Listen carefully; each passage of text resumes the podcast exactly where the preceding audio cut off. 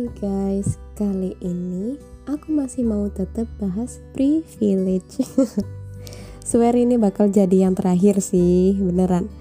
Soalnya capek juga sih buat berusaha nggak iri sama manusia yang masalahnya selesai 50% bahkan dari dia lahir. Kali ini aku mau bahas beauty privilege Percaya nggak percaya, orang yang punya beauty privilege itu 50% masalahnya udah kelar sebelum masalah itu sendiri terjadi. Enak kan? Enak dong. Kalian lihat aja deh waktu ada kasus atau berita tentang siapa pun, kalau pelakunya cantik atau ganteng, pasti di kolom komentar penuh dengan kata-kata semangat dan motivasi. Kayak, semangat ya kak, semoga masalahnya cepat kelar semua orang pasti juga pernah salah, jangan sok suci deh, semangat ya kak, jangan dengerin omongan orang, kayak gitu. Sedangkan beda lagi kalau pelakunya burik alias nggak good looking. Lu lihat aja deh di kolom komentar pasti isinya hujatan semua. Sama doa buruk sih. Biasanya kayak gini. Halah, udah jelek banyak tingkah lagi. Syukurin, makanya jangan kebanyakan tingkah kayak gitu si beauty privilege really exist karena emang how society treats you based on your look. Jadi semua itu tergantung raimu guys. Ya pernah nih satu kejadian di tempat tongkrongan. Ada nih temen yang mukanya biasa aja baru datang. Nah pas itu kursinya udah full dan kalian tahu apa yang dibilang teman-teman gue waktu itu? Ambil aja kursi sebelah geser ke sini, bisa kan? Udah nih.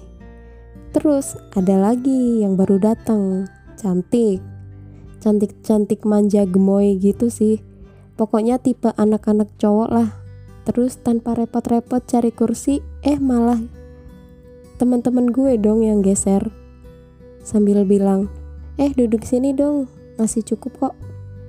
Dalam hati gue langsung bilang, garangan. Bajilak kurang ajar. Heran gue. Padahal itu sama-sama temen loh. Yang namanya sama-sama cewek harusnya kan diperlakukan sama gitu kan? Dari sini kita juga bisa lihat gimana perlakuan orang itu emang sesuai mukanya emang. Kayak don't judge people by cover itu cuma kata-kata klise yang bikin kita bahagia sebentar Nyatanya nggak gitu sih. Kita juga kalau beli buku lihat covernya dulu terus sinopsisnya kan. Dan tanya aja deh sama anak desain. Apalagi anak desain cover, pasti bikinnya nggak asal-asalan kan. So, cover itu emang sepenting itu. Hmm, gue yakin gak gue doang yang nemuin kejadian-kejadian kayak gini Kalian yang pejuang amplop coklat pasti udah paham lah gimana seleksi karyawan buat suatu perusahaan dan gak jarang ada yang langsung mampangin persyaratan. Salah satunya itu good looking atau berpenampilan menarik. Kayak gitu sih. Ini nih yang bikin aku dulu hampir frustasi cari kerjaan. Udah kuliah bener-bener, lulus cum laude, terus pas nyari kerja banyak banget persyaratan fisik kayak tinggi dan muka nggak harus bercerawat kayak gitu sih. Si kita sama-sama start udah kalah satu langkah sama orang yang punya privilege. Sebenarnya banyak banget sih yang udah bikin tweet tentang ini. Dan pas baca-baca ada pernyataan kayak gini.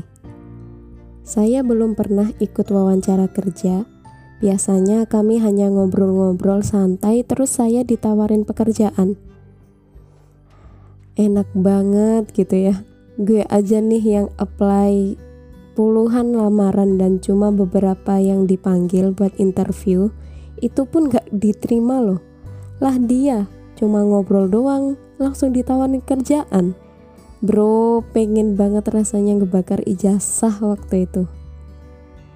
For the rest us yang biasa-biasa aja, oh my, the struggle is real. Tapi nih, katanya sih ada jadi orang good looking itu ada nggak enaknya juga sih. gak seenak yang apa yang kita pikirin kayak gitu orang yang good looking itu juga punya kesulitan sendiri salah satunya diremehin pengalaman teman-teman gue yang cantik mereka katanya sering banget diremehin temen gue dikatain simpanan dosen karena bisa lulus duluan dan skripsian cepet terus ada juga yang dikatain simpanan atasan karena karirnya bagus tapi kalau itu sih meski nggak cantik juga pasti banyak yang julid kalau ada orang lainnya lebih unggul. Namanya juga netizen kan. So jadi yuk bisa yuk buat kita yang nggak punya privilege. Jangan males-malesan karena kita emang udah kalah dari start. Tapi nggak menuntut kemungkinan kan kalau kita bisa sejajar dengan orang-orang yang punya privilege itu asalkan kita berusaha keras dan emang harus berusaha keras banget. Ingat kata Buya Hamka, salah satu pengkerdilan terkejam dalam hidup adalah membiarkan pikiran yang cemerlang menjadi budak bagi tubuh yang malas. Jadi intinya jangan males-malesan lagi deh. Kalau udah tahu di luar sana masih banyak orang yang punya privilege, kita yang nggak punya apa-apa, ya kita cuma punya usaha sama doa kayak gitu sih terus jangan lupa jangan takut mencoba dan jangan cepet nyerah oke okay?